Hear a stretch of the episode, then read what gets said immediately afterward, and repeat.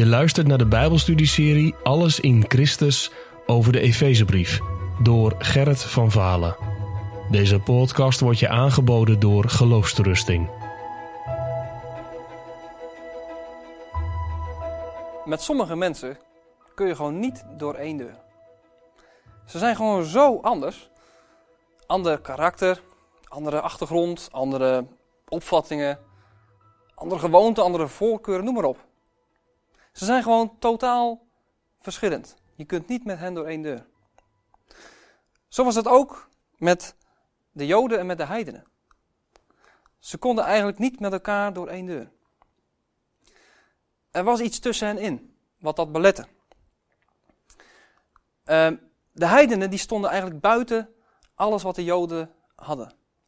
Buiten de tempel, buiten hun godsdienst, maar ook buiten de voorrechten. Bijvoorbeeld het voorrecht om burger te mogen zijn van Gods geliefde volk, Israël. Of het voorrecht om verbonden te zijn met God door het verbond. De heidenen stonden daar buiten. Of het voorrecht om tot God te naderen in gebed, in de tempel. Daar stonden de heidenen buiten. Ze stonden ook veraf en zonder God. Zonder God en zonder hoop moesten zij door het leven gaan. Er was dus diepe scheiding tussen de heidenen en de Joden. Samen door één deur? Vergeet het maar. Dat is eigenlijk hoe Paulus het beschrijft in Efeze 2, vers 11. Hij zegt: Bedenk daarom, Efeziërs, dat u, die voorheen heidenen was, dat u in die tijd zonder Christus was. Vervreemd van het burgerschap van Israël en vreemdelingen wat betreft de verbonden van de belofte. Vervreemd, vreemdelingen. Je kunt ook lezen, u stond overal buiten. U was er vreemd aan. U had er geen deel aan. En dan in één zin eigenlijk een hele hopeloze toestand. U had geen hoop en u was zonder God in de wereld. Hopeloos. Het zal je maar zo gezegd zijn. Dat was hun vroegere situatie. Maar er was meer. Er was niet alleen vervreemding, er was niet alleen een, een scheiding. De heidenen stonden er niet slechts buiten. Er was eigenlijk ten diepste ook vijandschap. Vijandschap, en die werd dan eigenlijk gesymboliseerd in een tussenmuur, een tussenmuur van afscheiding. Er was een muur tussen de heidenen en de Joden. Nou, dat was ook letterlijk een muur.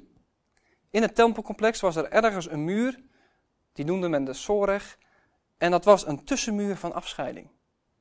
En daarop stond ook een verbod, wie deze muur als heiden overgaat, die riskeert de doodstraf. Die moet worden gestraft. Letterlijk een scheiding. En zo was er letterlijk vijandschap tussen de Joden en tussen de heidenen. Maar op een bepaald punt in de geschiedenis is Christus gekomen. En hij heeft vrede gebracht. Hij heeft die vijandschap heeft hij verbroken. Dat is eigenlijk een belangrijk thema in hoofdstuk 2, vers 11 tot 22. Christus heeft verzoening gebracht. Ja, zegt er iemand verzoening? Dat weet ik. Christus heeft verzoening bewerkt om de mens weer met God te verzoenen. Ja, maar weet je, het kruis heeft twee balken. Het heeft een verticale balk, en dat is inderdaad de verzoening tussen God en mens. Maar het heeft ook een horizontale balk. En dat is eigenlijk symbolisch voor de verzoening tussen mensen onderling. Zo is Christus gekomen en hij heeft niet alleen met zijn dood die verzoening tussen God bewerkstelligd, tussen de mens en God, maar ook tussen de mensen onderling. En daardoor heeft hij vrede gebracht. Paulus zegt, maar nu, in Christus Jezus, bent u, die voorheen ver af was, u stond er buiten, u was zonder God, u bent nu door het bloed van Christus dichtbij gekomen. Want Hij is onze vrede die beide één gemaakt heeft. En dan zou je misschien zeggen, ja, hij heeft beide één gemaakt, God en mens. Nee, het gaat hier duidelijk over Joden en heidenen. Christus heeft die beide door zijn dood één gemaakt. Hij heeft vrede gebracht. Jezus staat er in vers 14, hij is de vrede. Hij brengt vrede en hij verkondigt ook die vrede. Hij is de vredevorst bij uitstek. Maar kun je afvragen, hoe heeft hij dan die vrede teweeggebracht? Hoe heeft hij dat, hoe heeft hij dat dan bewerkstelligd? Nou, eigenlijk kun je zeggen dat is op, op twee manieren is dat gegaan. Of in twee delen. Allereerst heeft hij de, de basis van de vijandschap heeft hij afgebroken. Die muur heeft hij afgebroken. Die tussenmuur van afscheiding. Ja, natuurlijk niet letterlijk die muur in Jeruzalem. Maar wel wat die muur symboliseerde. Namelijk scheiding op basis van de wet. Want de wet, die heeft eigenlijk gezegd: als je mij houdt als wet, dan zul je leven. Als je mij navolgt, als je mijn geboden houdt, dan ben je binnen. Maar als je mij niet hebt, en als je mij niet houdt, dan val je er buiten. Scheiding op basis van de wet. Dat heeft die muur gesymboliseerd. En nu is Jezus gekomen. En Jezus heeft door die wet volmaakt te houden de wet vervuld. Maar hij heeft ook de vloek van de wet op zich genomen door zijn dood. En door die vloek op zich te nemen en door die wet te vervullen, heeft hij zo deze scheidingmakende functie van de wet, om het zo te zeggen, buiten werking gesteld. Hij heeft zo die muur afgebroken, die er was op basis van die wet. Het tweede wat Jezus heeft gedaan is dat hij nu één nieuwe mensheid heeft gevormd uit twee partijen.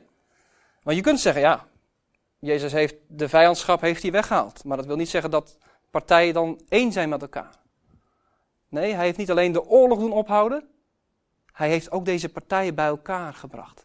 Hij heeft ze met elkaar in contact gebracht. En zo heeft hij uit twee partijen één nieuwe mensheid gevormd. Dat zien we gebeuren in vers 15. Dus eerst was er vijandschap tussen Joden en heidenen. Vervolgens was er Christus die de vrede bracht. Nou zou je zeggen, nou kan het wel aflopen. Prachtig happy end. Er is vrede. Maar het wordt nog veel mooier. Want er zijn ook voorrechten, en dat kunnen we lezen in de, vers, in de versen 18 tot 22. Die heidenen, die er eerst buiten stonden en die met lege handen stonden, ze stonden erbij en ze keken ernaar van veraf. Die mogen nu hun handen gaan vullen met de voorrechten die God hen gaat geven. Wat zijn dan die voorrechten? Nou, Paulus noemt er drie. Het zijn voor de heidenen nieuwe voorrechten. Als eerste zegt hij, jullie heidenen, en wij mogen ook onze naam invullen als heidenchristenen in Nederland. Jullie heidenen hebben nu samen met de Joden de toegang tot de Vader. En je mag samen nu, terwijl je vroeger niet samen door één deur kon, mag je nu samen door die ene deur gaan. Jezus naar God, die je Vader mag noemen. Dat is eigenlijk al een voorrecht op zich. Samen door die ene deur. Jullie heidenen, zegt Paulus, vroeger mocht je als hondjes de kruimeltjes oplikken die onder de tafel vielen. Maar nu mogen jullie, en ook wij tegenwoordig, mogen lid zijn van Gods gezin. Niet onder de tafel, maar aan tafel zitten en eten. Aan tafel bij Vader God. Eten van het levende brood, Jezus Christus. En dan het derde voorrecht. Vroeger mochten die heidenen alleen maar naar die, die stenen van de tempel kijken. Misschien deden ze dat met een afgunstige blik. Maar nu zegt Paulus, mogen zij en ook wij zelf levende stenen zijn. Om een geestelijke tempel te vormen. Waar God door zijn geest in wil wonen en in wil werken. Drie geweldige voorrechten. Dus niet alleen is de vijandschap weg, is er vrede gekomen, maar mogen ze ook wandelen en ook leven en genieten van al deze prachtige voorrechten. Ook jij hebt die voorrechten. Als je in Jezus Christus bent gaan geloven, maak je ook gebruik van die voorrechten. Jezus verkondigt ook nu nog vrede aan mensen die ver afstaan. Mensen die zeggen, nou, ik hoor er niet bij, ik ga wel hier staan. Ik sta er buiten. Jezus is gekomen en hij verkondigt ook vandaag, in 2014, mijn vrede is ook voor jou. Misschien ben jij dat wel, degene die, die zo op een afstandje staat te kijken. Die jezelf buiten de redding plaatst. Jezus zegt, kom naar mij toe. En ik neem jou met al je vijandschap in mij op om je te dragen en te brengen bij Vader God. Om je daar te brengen in verzoening. Met God zelf. Maar ook met je medemensen. Maar ook met jezelf. Ga dan. Kom naar mij toe, zegt Jezus. En blijf niet ver afstaan. En ik wil je ook oproepen, als je die stem van Jezus nu hoort, ga dan door die ene deur. En vind vrede. En zing dan dat lied mee. Dat lied wat zomaar door een verloste heiden uit Efeze geschreven zou kunnen zijn. Dit prachtige lied. Vader God, ik vraag me af hoe ik ooit heb geleefd. Zonder te weten dat uw vaderhart al zo lang om mij geeft. Maar nu, nu ben ik uw kind. Nu mag ik wonen in uw huisgezin en zitten aan uw tafel. En ik zal nooit meer buiten staan. Nooit meer ver af zijn.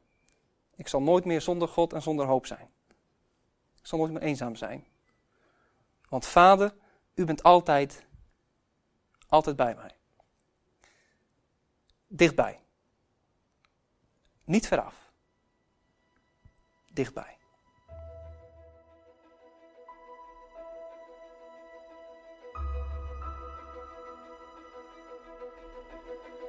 Je luisterde naar een podcast van Geloofsterusting. Wil je meer luisteren, lezen of bekijken? Steun dan onze missie en ga naar de website geloofsterusting.nl.